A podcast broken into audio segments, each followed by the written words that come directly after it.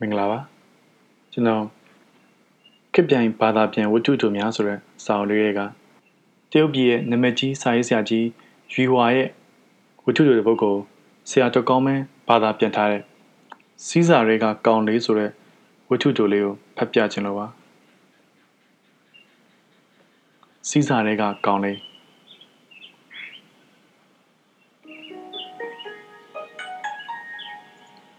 ဒီခိုက် စောင်းဦးနေလယ်မှာစွန်ဖူအမည်ရတဲ့လူတစ်ယောက်ဟာတစ်သီးအပြည့်ပုံထားတဲ့လမ်းဘေးဆိုင်တစ်ဆိုင်ကို ထိုင်ဆောင်နေတယ်။တောက်ပါတဲ့နေအောင်သူ့အပေါ်ကြာရောက်နေလို့သူ့ရဲ့အသက်50ကျော်မျက်လုံးတွေမှိန်းနေခဲ့ရတယ်။လက်အစုံကိုဒူးကောင်းမော်တင်ထားလို့လက်ပြင်ကခက်ကိုင်းကိုင်းနေအောင်အောက်မှာသပင်ဖြူတွေကအုံမှိုင်းမှိုင်းရှေ့ကလမ်းမကြီးတိုင်းပဲ။အဲ့ဒါ အဝေးစီကဆန့်တန်းလာပြီးသူ့ဘေးကဖြတ်ပြီးတော့အဝေးစီကိုဆက်လက်ရှေ့ဆန့်သွားတဲ့လမ်းမကျဲကြီးတစ်ခုအဲ့ဒီမှာသူထိုင်လာခဲ့တာ၃နှစ်ရှိပြီအဝေးပြေးကားတွေရက်နားလေးရှိတဲ့ဒီနေရာမှာသူကတစ်သီးရောင်းခြင်းနဲ့အသက်မွေးတယ်ကားတစ်စီးသူ့ဘေးကဖြတ်သွားတယ်တထောင်းထောင်းထလာတဲ့ဖုန်တွေကတထောင်းထောင်းထလာတဲ့ဖုန်တွေက ရောက်လာတဲ့ညအမှောင်ပမာသူ့ကိုလွှမ်းခြုံသွားတယ်။ဆက်လက်ပြီးသူနဲ့သူ့တသီးတွေဟာအာယုံကျင်းတဲ့ပမာတဖန်ပြန်ပြီးထွက်ပေါ်လာတယ်။ဆိုင်ရှိမှာကောင်လေးတစ်ယောက်ရက်နေတာသူတွေ့ရတယ်။ဖုံမှုန့်တွေလွင့်ပြေသွားပြီးတဲ့နောက်သူ့ကိုမဲလက်တဲ့မျက်လုံးတွေနဲ့စိုက်ကြည့်နေတဲ့အဲ့ဒီကောင်လေးကိုသူတွေ့လိုက်ရတယ်။သူ့ရှိကကောင်လေးကိုသူကြည့်နေမိတယ် အလွန်ညစ်ပေတဲ့အဝတ်စားတွေနဲ့အဲ့ဒီကောင်လေးကသူ့တသီးတွေပေါ်ကိုလက်တစ်ဖက်တင်တယ်။ကောင်လေးရဲ့လက်ကိုသူကြည့်လိုက်တယ်။လက်သေးကမဲလဲမဲရှည်လဲရှည်လက်သေးကနေရဲရဲပန်းသီးတစ်လုံးကိုတွားချီတော့သူလည်းရင်ကောင်မောင်းသလိုလက်ဝှေ့ရမ်းပြီးသွားစမ်းလို့မောင်းထုတ်လိုက်တယ်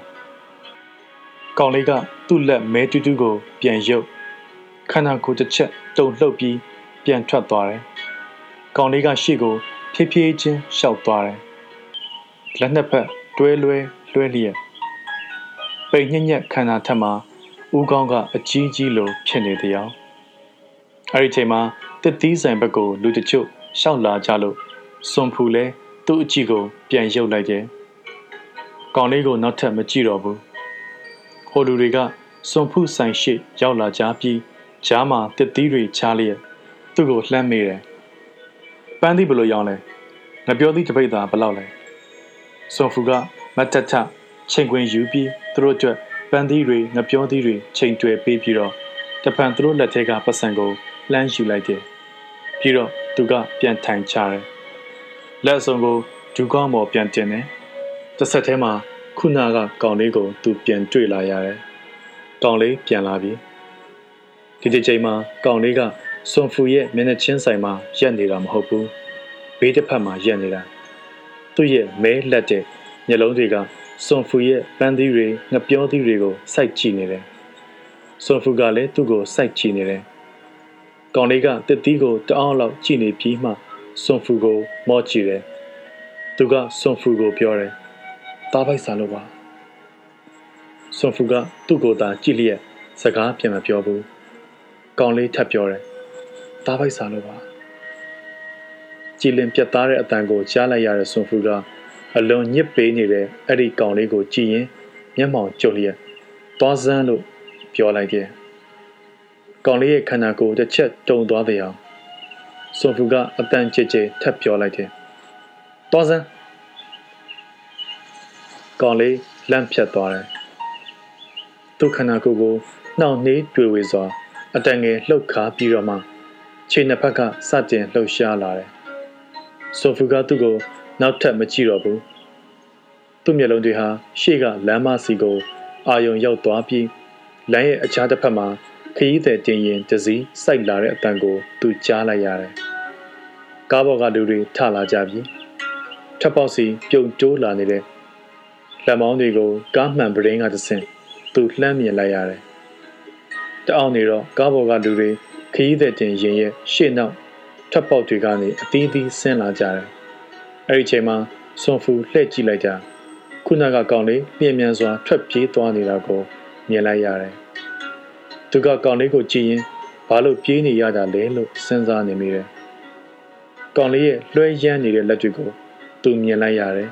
။ကောင်လေးရဲ့လွှဲရမ်းနေတဲ့ညာဘက်လက်ထဲမှာတစ်ခုခုကိုစုပ်ကင်ထားတယ်။ လုံးဝနဲ့အရာတစ်ခုကိုစုပ်ကင်ထားတာပဲ။သူတဲတဲကွက်ကွက်မြင်လိုက်ရပြီ။ကောင်လေးလက်ထဲစုပ်ကင်ထားတာပန်းသီးတစ်လုံးပဲ။အဲ့ဒါနဲ့ဆွန်ဖူလဲကောင်လေးပြေးသွားတဲ့စီကိုထပြီးပြေးလိုက်သွားတယ်။ဆွန်ဖူအော်ဟစ်တယ်။တခိုးပြုတ်ဟိုးရှိကတခိုးပြုတ်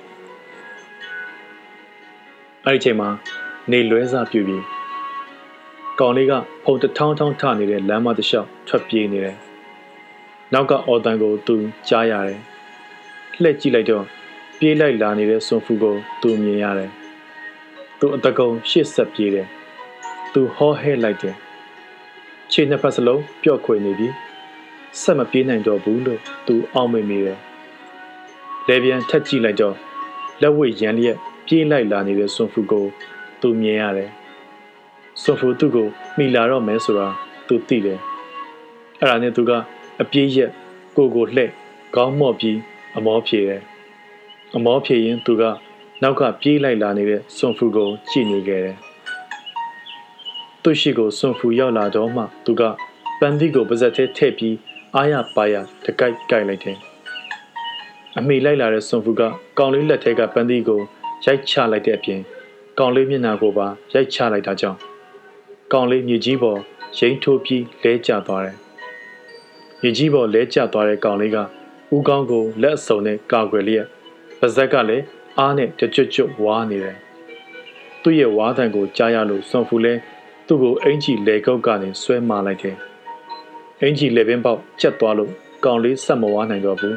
။မျက်လုံးတွေပြူးထွက်လာတယ်။ပါဇက်သေးကပန်းသီးကြောင့်ပစုံနှစ်ဖက်ဖောင်းတက်လာတယ်။စွန်ဖူကလက်တစ်ဖက်နဲ့သူ့အင်ကြီးလေကုတ်ကိုစုပ်ကင်ထားပြီး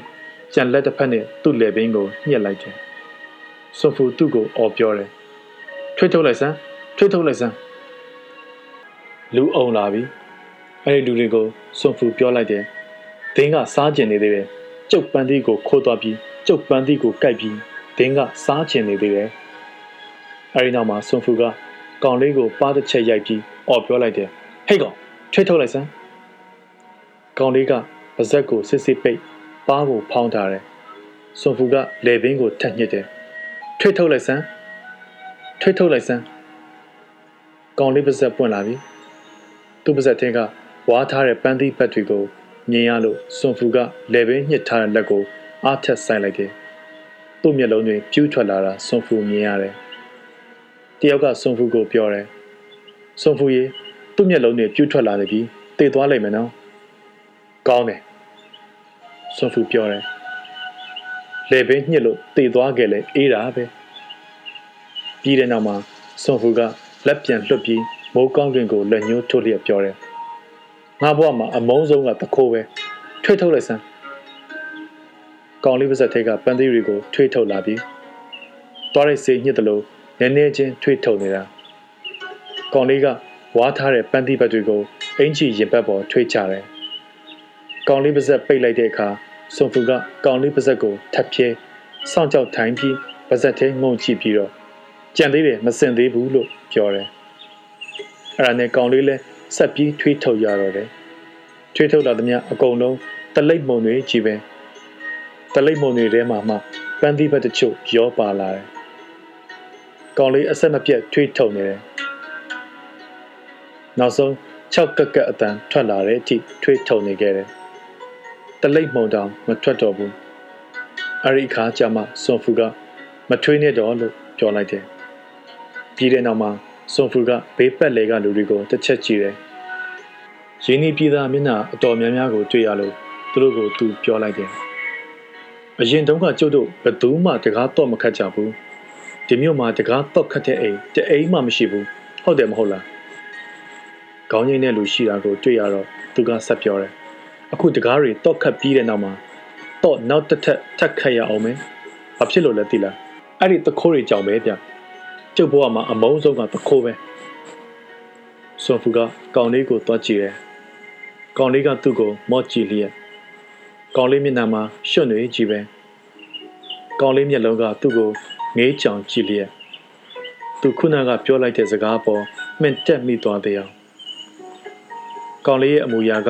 စွန်ဖုကိုတက်ကြွလာစေတယ်သူကပြောတယ်ဟိုတုန်းကသာဆိုရင်သူ့လက်တစ်ဖက်ကိုရိုက်ချိုးပြရမှာဘယ်လက်နဲ့ခိုးတယ်လဲအဲ့ဒီခိုးတဲ့လက်ကိုရိုက်ချိုးပဲဆိုဖူကကောင်လေးကိုငုံអော်လိုက်တယ်ဘယ်လက်လဲကောင်လေးတကိုယ်လုံးစက်ခနဲ့တစ်ချက်တုံသွားပြီးညာဘက်လက်ကိုနောက်မှနှိမ့်မြန်စွာဝှက်ထားလိုက်တယ်ဆိုဖူကကောင်လေးရဲ့ညာဘက်လက်ကိုစက်ခနဲ့ဆွဲပြီး ဘေးပတ်လေကလူတွေကိုပြပြီးတော့သူတို့ကိုပြောတယ်ဒီလက်ပဲမဟုတ်ရင်သူဒီလောက်မြန်မြန်ဘယ်ဝှက်မလဲအဲ့ဒီခါကောင်လေးကပြောတယ်ဒီဘက်လက်မဟုတ်ဘူးဒါဖြင့်ဒီဘက်လက်ပေါ့ဆွန်ဖူကကောင်လေးရဲ့ဘယ်ဘက်လက်ကိုဖမ်းဆွဲလိုက်တယ်မဟုတ်ဘူးကောင်လေးကအော်ပြီးသူ့ရဲ့ဘယ်ဘက်လက်ကိုပြန်ရုပ်ဖို့လုပ်တယ်ဆွန်ဖူကသူ့ကိုပါးတစ်ချက်ရိုက်တယ်ကောင်လေးလူးလှိမ့်တယ် ဆွန်ဖူကသူ့ကိုပါးတစ်ချက်ထက်ရိုက်တယ်ကောင်လေးမလှုပ်တော့ဘူးဆွန်ဖူကသူ့မျက်နှာမော့လာအောင်စပိန်ကနေဆွဲမလိုက်ပြီးသူ့မျက်နှာတဲ့တဲ့အော်ပြောလိုက်တယ်ဘဲလက်လေကောင်လေးကဆွန်ဖူကိုမျက်လုံးပြူးကြီးနဲ့တအောင်လောက်ကြည့်နေပြီးတဲ့နောက်မှာမှသူ့ညာဘက်လက်ကိုစန့်ထုတ်လိုက်တယ်ဆွန်ဖူကသူ့ညာဘက်လက်လက်ကောက်ဝတ်ကိုဖမ်းဆွဲပြီးကြံလက်တစ်ဖက်နဲ့သူ့ရဲ့လက်ကလေးကိုပြစ်ညှစ်ထားလျက် ဘေးပတ်လည်မှာရှိနေသူတွေကိုပြောလိုက်တယ်ဟိုတုန်းကသာဆိုရင်သူ့ရဲ့ဒီလက်တစ်ဖက်ကိုရိုက်ချိုးပြရမှာခုတော့ဒီလိုလုပ်လို့မရတော့ဘူးအခုဟာကပညာပေးဖို့အဓိကပဲဘယ်လိုပညာပေးရမလဲဆိုတော့ဆွန်ဖူကကောင်လေးကိုတစ်ချက်ကြည့်ပြီးဒီလိုပညာပေးရတယ်လို့ပြောလိုက်တယ်တစ်ဆက်တည်းမှာ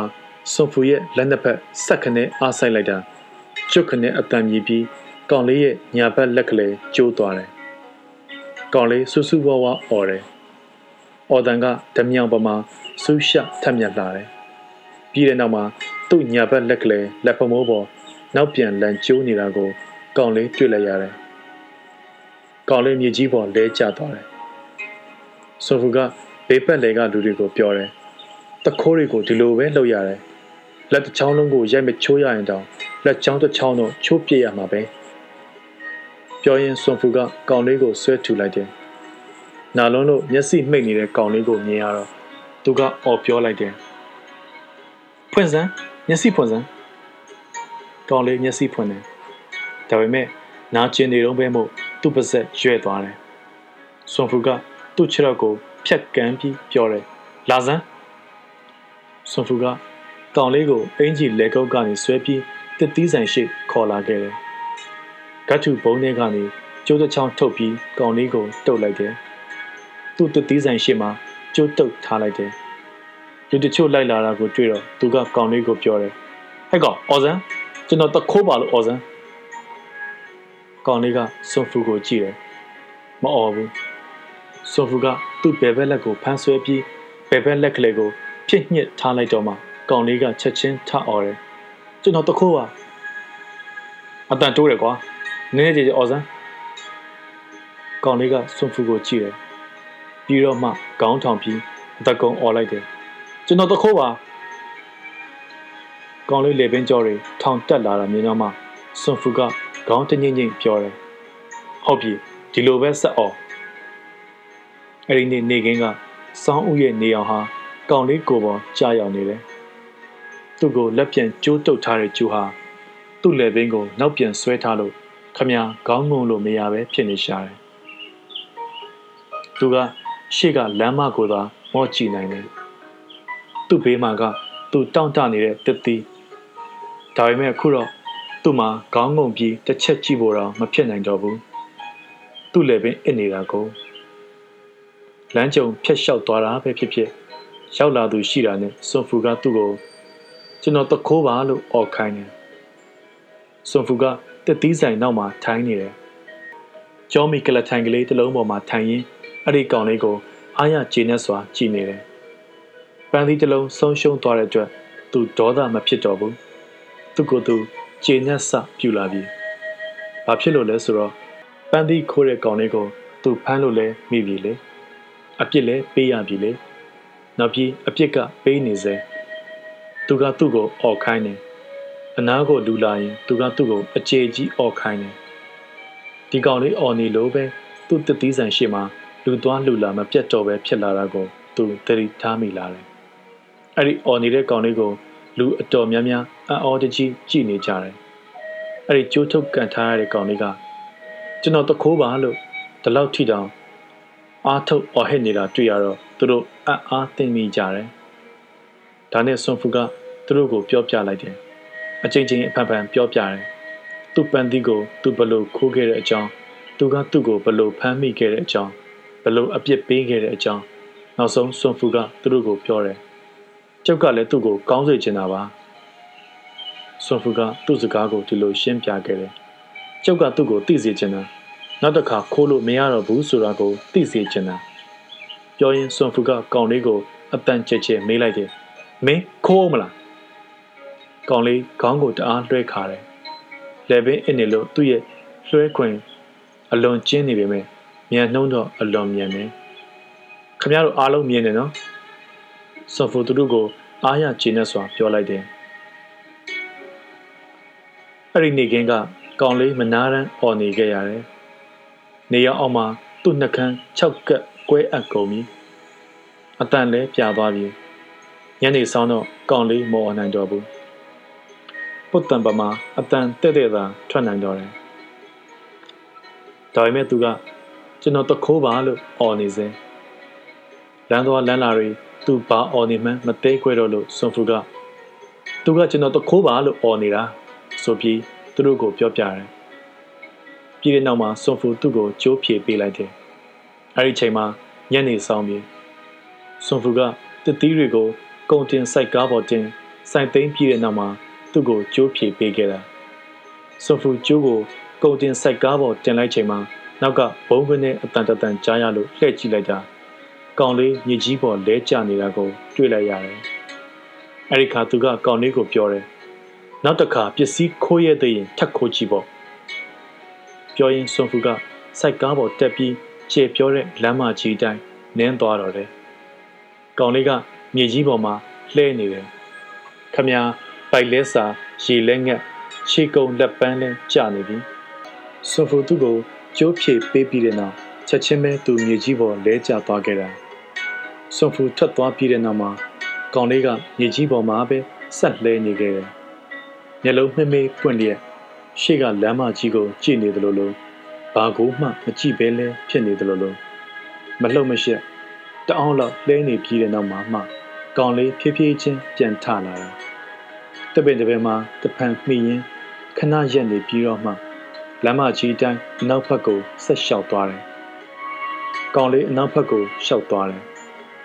စီးစာထဲမှာသူ့ရဲ့ပိတ်လီလီခန္ဓာကိုယ်ကလေးနဲ့တလန်းပြီးတလန်းမရိုက်တရံလျှောက်သွားရင်အဲ့ဒီမြို့ကလေးကနေထွက်သွားတယ်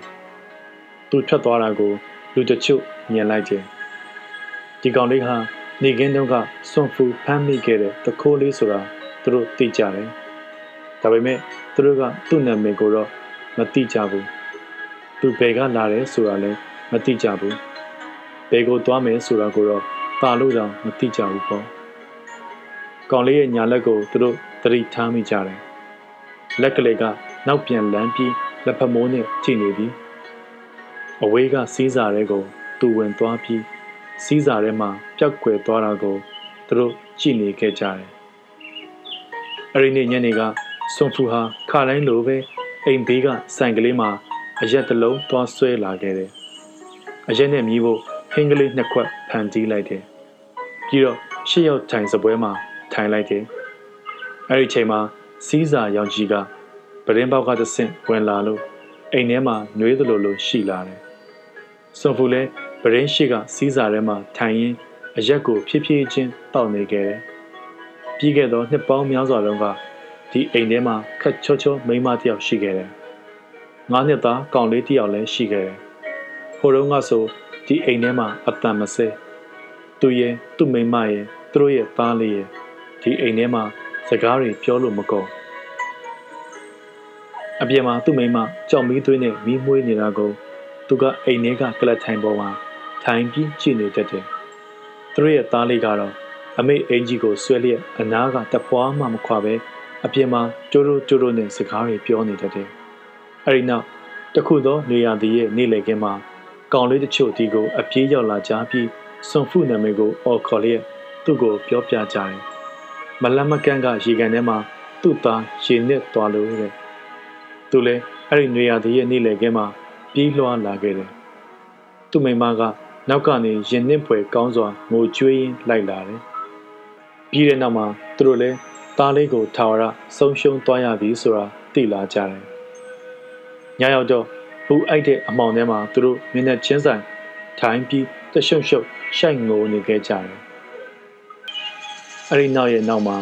သူတို့စိတ်တွေပြန်ပြီးတည်ငြိမ်စပြုလာတယ်အရင်လိုပဲဘဝပြန်နေဖြစ်လာခဲ့ကြတယ်ဒီလိုနဲ့နှစ်ကာလတွေတည်မြန်စွာကုန်လွန်သွားခဲ့တယ်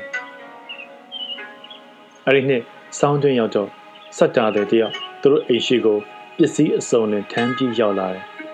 သူမိမလည်းအိမ်ရှိထွက်လာပြီးစက်တာတဲ့ထမ်းလာတဲ့ထန်ကုန်ပေါ်မှာတက်ထိုင်နေရအောင်မှမျက်စိမိတ်လျက်